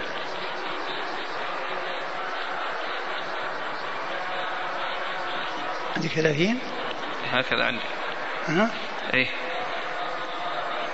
كنت كنت نسخة كنت. العون إيش فيها؟ نسخة العون مثلها؟ مثلها؟ ها؟ ثلاثين ولا ثلاثون؟ إيش اللفظ؟ إيش اللفظ؟ كنت نائما في المسجد علي خميصة لي ثمنها ثلاثين درهما. يعني الأصل ثلاثون. نعم. ها؟ ثمن ثلاثين. مضاف إليه. ماشي. وش في ما في درهم؟ لا لا ما فيها. علي خميصة لي ثمن ثلاثين درهما. آه ثمن أي. ثمن ثلاثين. ماشي. فجاء رجل فاختلسها مني. عندك ثمنها؟ ها؟ أنت عندك ثمنها؟ أي نعم. وهناك ثمن ثلاثين. نعم. هذه اللي تستقيم. يعني مضاف ومضاف إليه. فجاء رجل فاختلسها مني فأخذ الرجل فأتي به رسول الله صلى الله عليه وآله وسلم فأمر به ليقطع. قال فأتيته فقلت أتقطعه من أجل ثلاثين درهما؟ أنا أبيعه وأنسئه ثمنها. قال فهلا كان هذا قبل أن تأتيني به. ثم ورد أبو داود باب إيش؟ الحرز. باب من سرق من حرز. باب من سرق من حرز. يعني أن القطع يكون فيما سرق من حرز. والحرز آه، يكون مثل مثل البيوت ومثل الصناديق ومثل آه، يعني المخابئ أو الجيوب في جيب الإنسان وغيرها من الأحراز التي يحفظ فيها المال. فمن أخذ يعني منها وكذلك هنا في كون الإنسان توسده وجعله وسادة له واستله من تحته وأخذه فإنه في حرص. وكذلك أيضا هو في المسجد. ولكن آه، يعني كونه في المسجد هذا لا يعتبر حرزا لأن هذا مشاع المسجد يعني عام للناس. ولكن آه، فهو من الأمور الظاهرة. ولكن كونه يعني قد توسده وصار آه، جعله له وسادة هذا هو حرص قال عدل عدل المتن قال كنت نائما في المسجد علي خميصة لي ثمن ثلاثين درهما. فجاء رجل فاختلسها مني. هو جاء في بعض الروايات أنه توسدها. ومعنى ذلك أنها كانت في حرز نعم. وهذا محل الشاهد. حرز أنه كأنه كان قد توسدها. نعم. فأخذ الرجل فأتي به رسول الله صلى الله عليه وآله وسلم فأمر به ليقطع. فأخذ الرجل فأتي به النبي صلى الله عليه وسلم فأمر به ليقطع لأنه أخذ من حرز فقال أنا أبيعه إياها وأنسئه ثمنها يعني أصبر عليه بالقيمة. أعتبرها هي قيمة ثلاثين فأنا أملكه إياها وقيمتها ثلاثون درهما فأنا أطالبه, أطالبه بها وأجعلها نسيئة يعني غائب. لا آخذ منه ثمنها الآن وإنما أمهله وآخذ منه ذلك في المستقبل. قال فهلا كان ذلك قبل أن تأتيني؟ وهذا يبين أن الأمور إذا وصلت السلطان فليس هناك إلا التنفيذ ولا مجال للشفاعة فيها ولا مجال للتنازل من صاحب الحق في ذلك وإنما كان هذا قبل أن تصل إلى السلطان قبل أن تصل إلى السلطان. فإذا وصلت إليه فلا فليس لصاحبها أن يتنازل وليس لأحد أن يشفع عند السلطان وليس للسلطان أن يعفو وأن يسامح نعم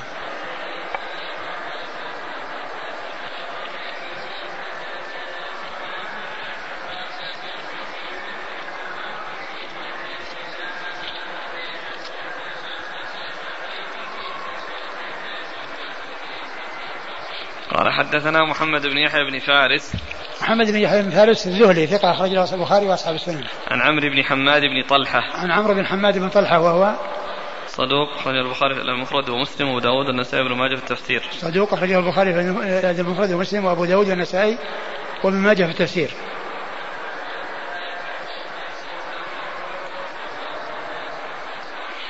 عن أسباط عن أسباط بن نصر وهو صدوق يخطئ كثير الخطأ ويهرب ثقة أخرج له البخاري تعليقا ومسلم وأصحاب السنن صدوق أخرجه البخاري تعليقا ومسلم وأصحاب السنن عن سماك بن حرب. سماك بن حرب وهو صدوق أخرجه البخاري تعليقا ومسلم وأصحاب السنن عن حميد بن أخت صفوان. عن حميد بن أخت صفوان وهو مقبول. أخرجه أبو داود النسائي. أخرجه أبو داود النسائي. عن صفوان بن أمية. عن صفوان بن أمية رضي الله عنه وهو صحابي أخرج له البخاري تعليقا ومسلم وأصحاب السنن. البخاري تعليقا ومسلم وأصحاب السنن.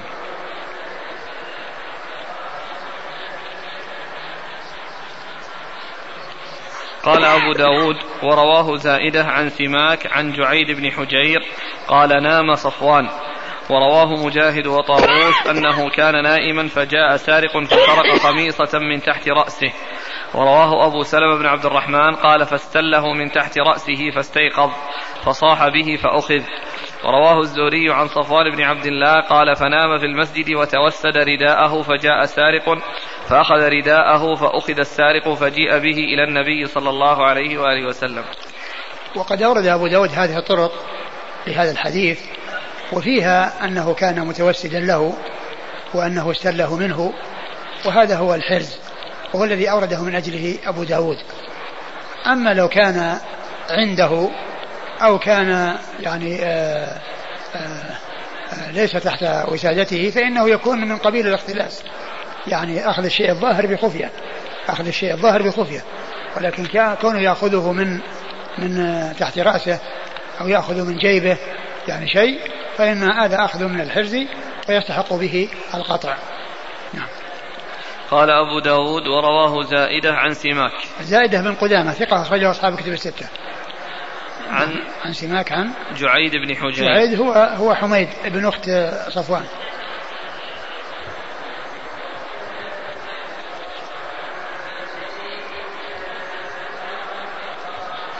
ورواه مجاهد وطاووس. مجاهد بن جبر ثقة أخرجه أصحاب كتب الستة. وطاووس بن كيسان ثقة أخرجه أصحاب كتب الستة. ورواه أبو سلمة بن عبد الرحمن. أبو سلمة بن عبد الرحمن بن عوف ثقة أخرج له أصحاب كتب الستة. ورواه الزهري عن صفوان بن عبد الله. الزهري محمد بن مسلم بن عبيد الله بن شهاب الزهري ثقة أخرجه أصحاب كتب الستة. وصفوان بن عبد الله هو ثقة نعم أخرج البخاري في المفرد ومسلم والنسائي وابن ماجه. البخاري في المفرد ومسلم والنسائي وابن ماجه. والنسائي وابن ماجه. القانون الأخير عن الزهري عن صفوان بن عبد الله قال فنام في المسجد. قال فنام. يعني هذا مرسل في انقطاع.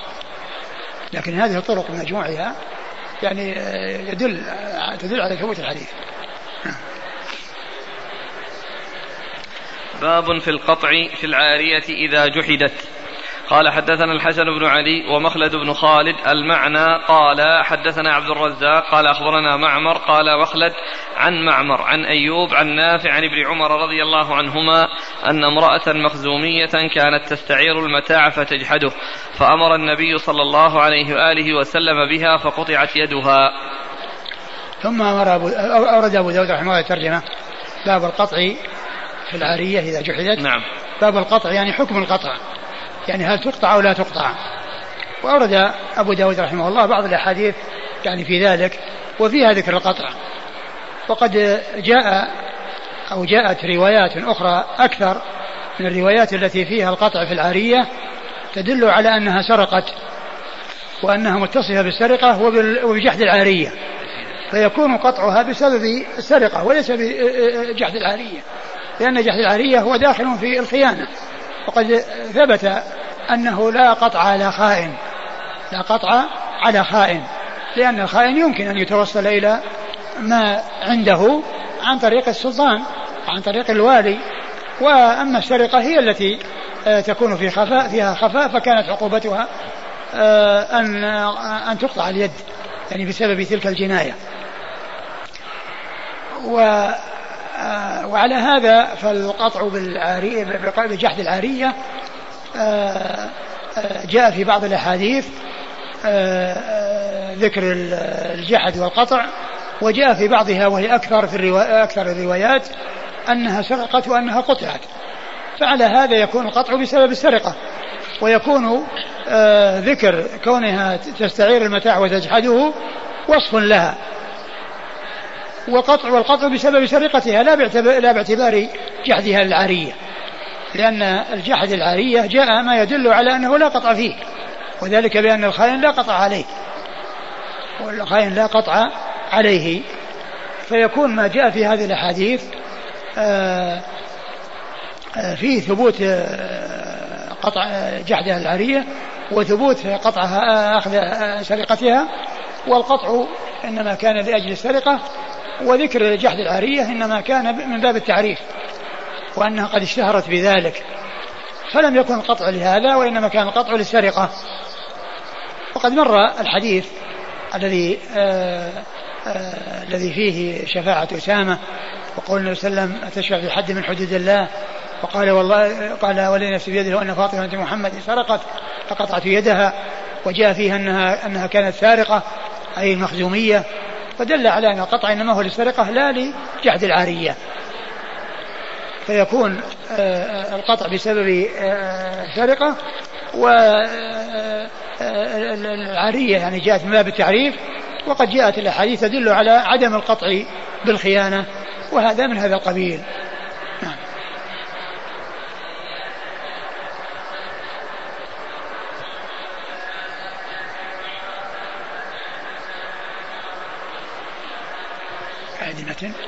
قال عن ابن عمر أن امرأة مخزومية كانت تستعير المتاع فتجحده فأمر النبي صلى الله عليه وآله وسلم بها فقطعت يدها.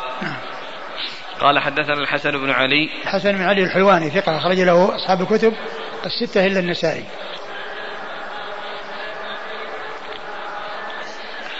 ومخلد بن خالد.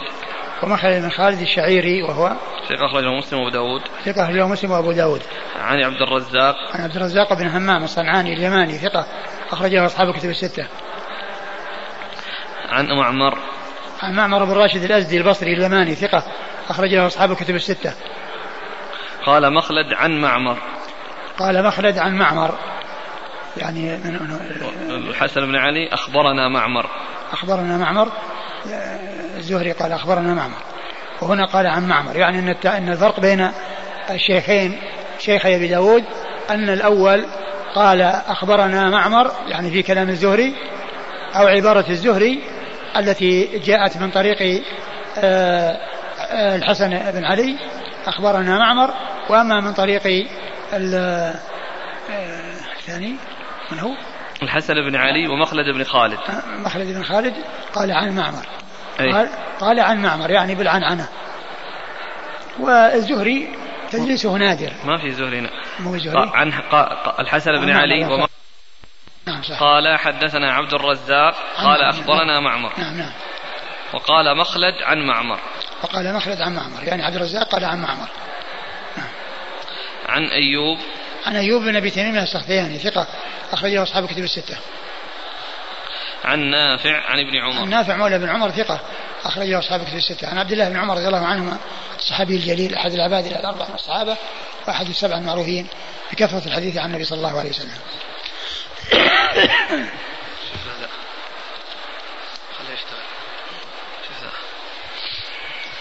قال أبو داود رواه جويرية عن نافع عن ابن عمر رضي الله عنهما أو عن صفية بنت أبي عبيد.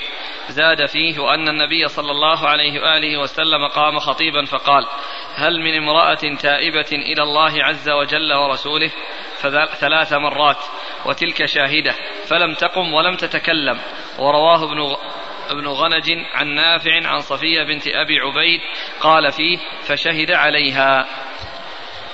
ثم آه، أورد أبو داود الحديث من طريق أخرى. وفيه أنه قال عن عن ابن عمر أو صفية بنت أبي عبيد. وصفية بنت أبي عبيد هي زوجة ابن عمر. هي زوجة ابن عمر. أن وقال وفيها أن النبي صلى الله عليه وسلم خطب وقال إيش؟ قام خطيبا فقال هل من امرأة تائبة إلى الله عز وجل ورسوله؟ قام خطيبا وقال هل امرأة تائبة إلى الله ورسوله؟ يعني مما حصل لها من الجناية وكانت تلك المرأة حاضرة أي التي المخزومية نعم. فلم تقم. نعم. فلم تقم ولم تتكلم. فلم و... تقم ولم تتكلم. نعم. ورواه ابن غنج عن نافع عن صفية بنت أبي عبيد قال فيه فشهد عليها. فشهد عليها يعني أنها يعني آه, آه، أنها يعني ما آه ما تابت ولا حصل لها أن تابت أو اعترفت. نعم. أو فشهد عليها بالسرقة. نعم. أو, أو, أو شهد عليها. طبعا هو القطع لا يكون إلا بالاعتراف إلا بالاعتراف أو الشهادة. لأنها فشهد عليها أو شهد عليها أحد. إما شهد عليها أو شهد عليها أحد. قال أبو داود رواه جويرية عن نافع. جويرية آه، ابن أسماء.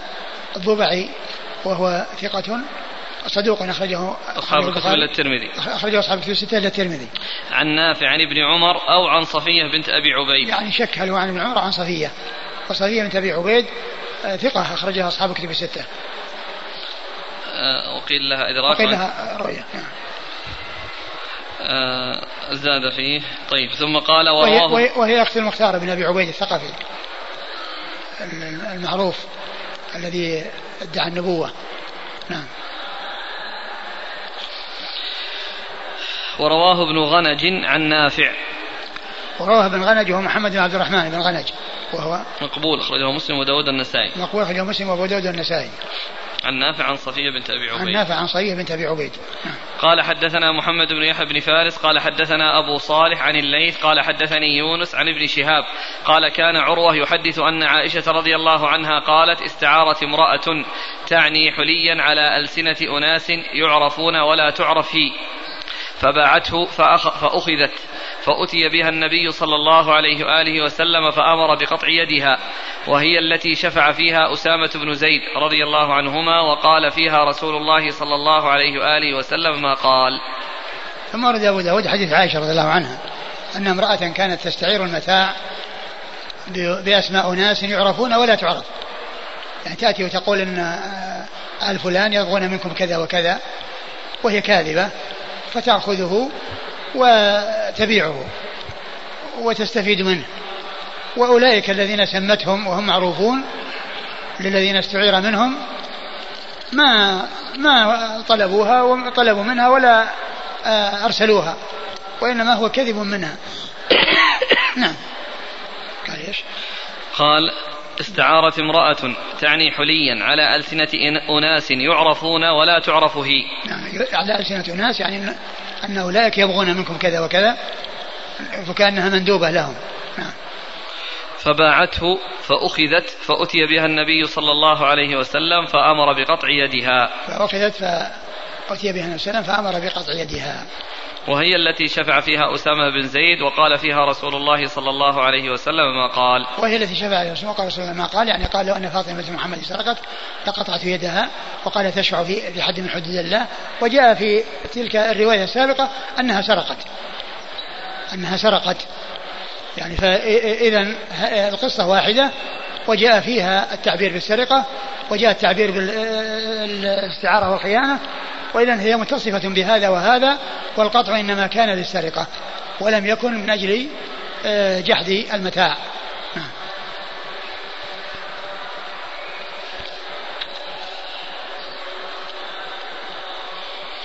قال حدثنا محمد بن يحيى بن فارس عن أبي صالح أبو صالح هو عبد الله بن صالح صدوق كثير الغلط اخرج البخاري تعليقا وأبو داود عبد الله بن صالح صدوق كثير الغلط أخرج له البخاري تعليقا وأبو داود والترمذي وابن ماجه البخاري تعليقا وأبو داود والترمذي وابن ماجه عن الليث عن الليث بن سعد وهو ثقة أخرجه أصحاب الكتب الستة. عن يونس. عن يونس بن يزيد.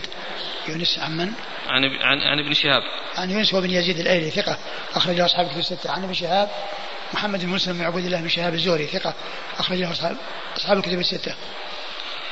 عن عن عروة عن عائشة. عن عروة بن الزبير بن العوام ثقة فقيه أخرجه أصحاب الكتب الستة. عن عائشة أم المؤمنين رضي الله عنها وأرضاها الصديقة بنت الصديق وهي واحدة من سبعة أشخاص عرفوا بكثرة الحديث عن النبي صلى الله عليه وسلم.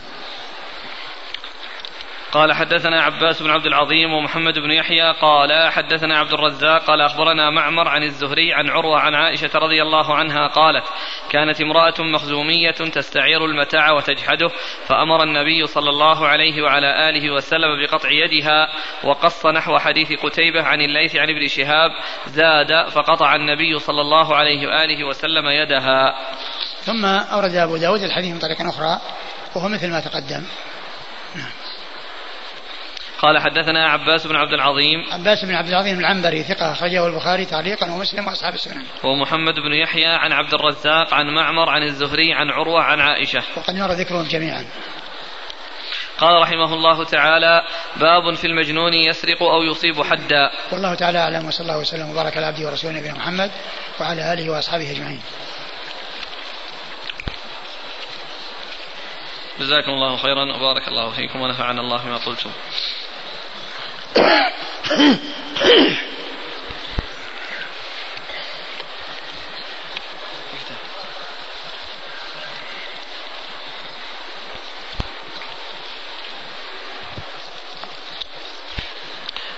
بالأمس كان أخذنا الوقت وما سألنا وسؤال متكرر.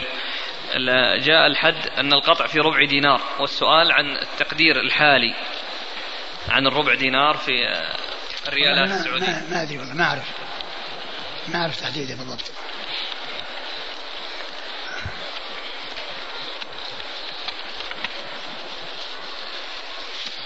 هذا يقول اختلفنا نحن الشباب وحكمنا الشيخ في مسألة وهي يهود اليوم. هل تنزل عليهم الآيات القرآنية التي تخص اليهود؟ أم يقال إن هؤلاء يهود بالاسم فقط؟ وهم علمانيون لا دين لهم ولا تشملهم الآيات التي تتحدث عن اليهود. اليهود والنصارى منذ يعني قديم الزمان وإلى الآن هم يهود ونصارى وهم أهل كتاب ويعني ينتمون إلى اليهود ينتمون إلى موسى وأولئك ينتمون إلى عيسى. ومعلوم أن الشرك والكفر كان موجودا فيهم و وذلك في زمن النبي صلى الله عليه وسلم. والقرآن نزل في بيان ما عندهم وأن هؤلاء قالوا ابن الله اليوم النصارى واليهود قالوا عزير من الله وأنهم مشركون وأنهم كفار. فالأحكام فيهم آه، الآن وقبل الآن هم آه، هم أهل الكتاب وهم يهود ونصارى. هذا سؤال يتعلق بالكمبيوتر. ما رأيكم في نسخ الأقراص التي تحتوي على كتب شرعية؟ علما بأن بعض الأقراص نسخها يحتاج إلى أن يحلف الناسخ بأن هذه النسخة هي النسخة الأصلية.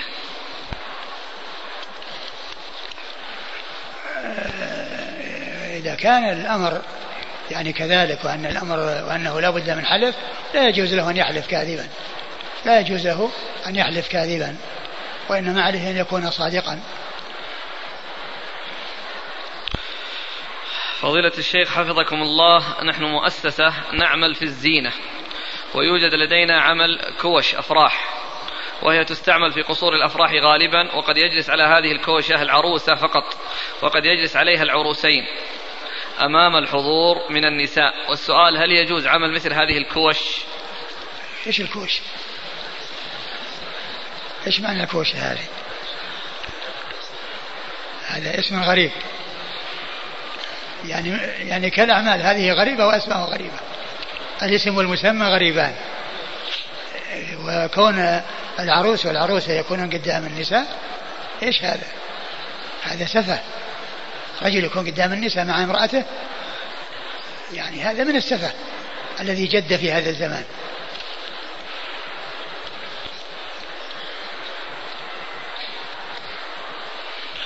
يقول عندي سؤالان عن الجهاد. من خرج للجهاد من غير إذن الوالدين فقتل هل يعتبر شهيد؟ أمره إلى الله. من فر أثناء القتال فقتل هل يعتبر شهيد؟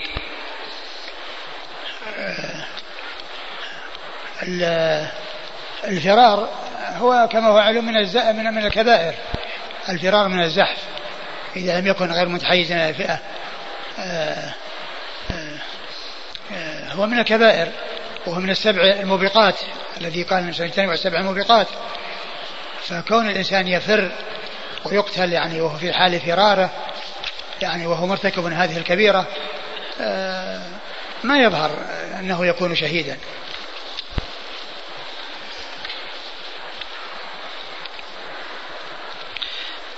في الباب السابق اللي درسناه أول باب ما لا قطع فيه. وذكر حديث الثمر والكثر. نعم. ثم قال باب القطع في الخلسة والخيانة. فقلت من المراد يعني أنه ما يقطع. هنا. إيه. يقول يعني التوجيه. لأنه إذا كان لا يقطع لماذا ما ذكره في الباب الأول باب ما لا قطع فيه؟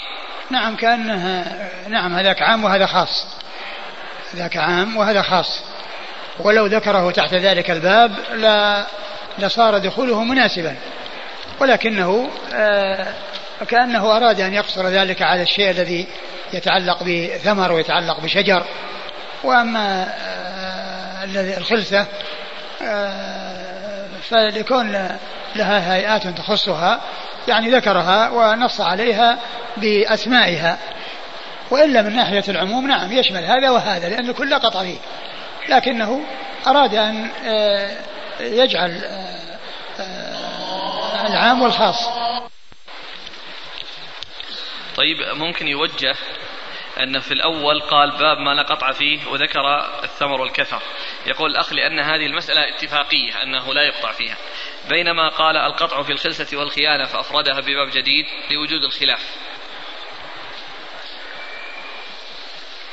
ما ما أدري يعني إنه يعني يقصد هذا ولكن يبدو والله أعلم إنه يعني ذكر بابا عاما يعني يتعلق بالشجر والنخل ثم ذكر بعد ذلك أشياء عامة يعني لا علاقة لها ب وليس يعني يبدو إن هذا من أجل إن, إن هذه فيها خلاف وإن كثيرا من من ال ال الأبواب والمسائل يذكر فيها خلاف. وهذه المسألة أيضا ما فيها خلاف؟ اللي إلا اللي هي ها؟ الأولى. إلا فيها في خلاف. إيه، ما ما رأيكم بتفسير الماوردي؟ هل يستفاد منه؟ والله ما أعرف عنه شيئا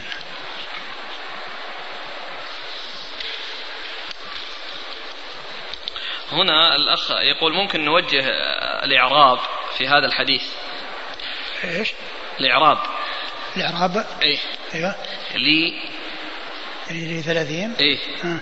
يقول أن تكون الجر بالمجاورة لأن ثلاثين جاورت الهاء المجرورة.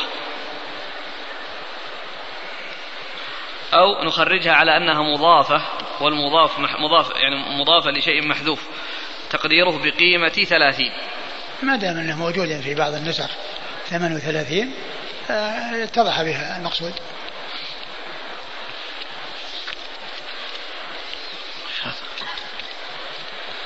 يعني كان كلمة هاء زائدة.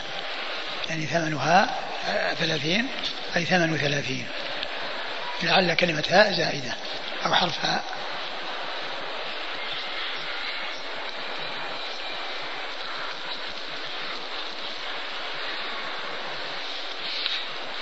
هنا في حديث العبد الذي أرسله مروان بعدما جاء رافع بن خديج. يقول كيف أرسله ومثل هذا عليه تعزير حتى يؤدب عن هذا الفعل. وجاء وقد جاء التعزير في الرواية الثانية. جلده. هل يجوز للإنسان أن يأكل من تمر النخل الذي يكون بطريق العامة؟ هو نفس الكلام الذي مر هو هذا. بس هذا غير مملوك. ها؟ هذا غير مملوك. الآن النخل موجود بالشوارع. اي نعم يمكن. أقول يمكن. يعني بس إنه لا ي... بس إنه لا يحمل شيء. أقول لا يحمل شيئا منه. لأن هذا فيه جهة مسؤولة عنه. وهي البلديات ولكن كل إنسان يعني يحتاج إلى أن يأكل يأكل. لكن كون يجذه ويروح يبيعه. لا. لأنه الوضع الحالي أنه يبقى لين يجف ويتساقط. نعم. أقول ما ندري يعني هو هو هكذا. إذا كان هذا يروح يستأذن البلدية ويقول إنه إذا كنتم ما أنتم جادينه فأنا بجده وأستفيد منه. ويأتي الأمور من أبوابها. هل صحيح أن عمر رضي الله عنه عطل حد السرقة في عام الرمادة؟ ما أدري. هل يجوز التيمم في ساحة الحرم الخارجي؟ يجوز الإنسان يتيمم يعني في الساحات يتيمم على الجدران كل ذلك جائز. والرسول تيمم على جدار.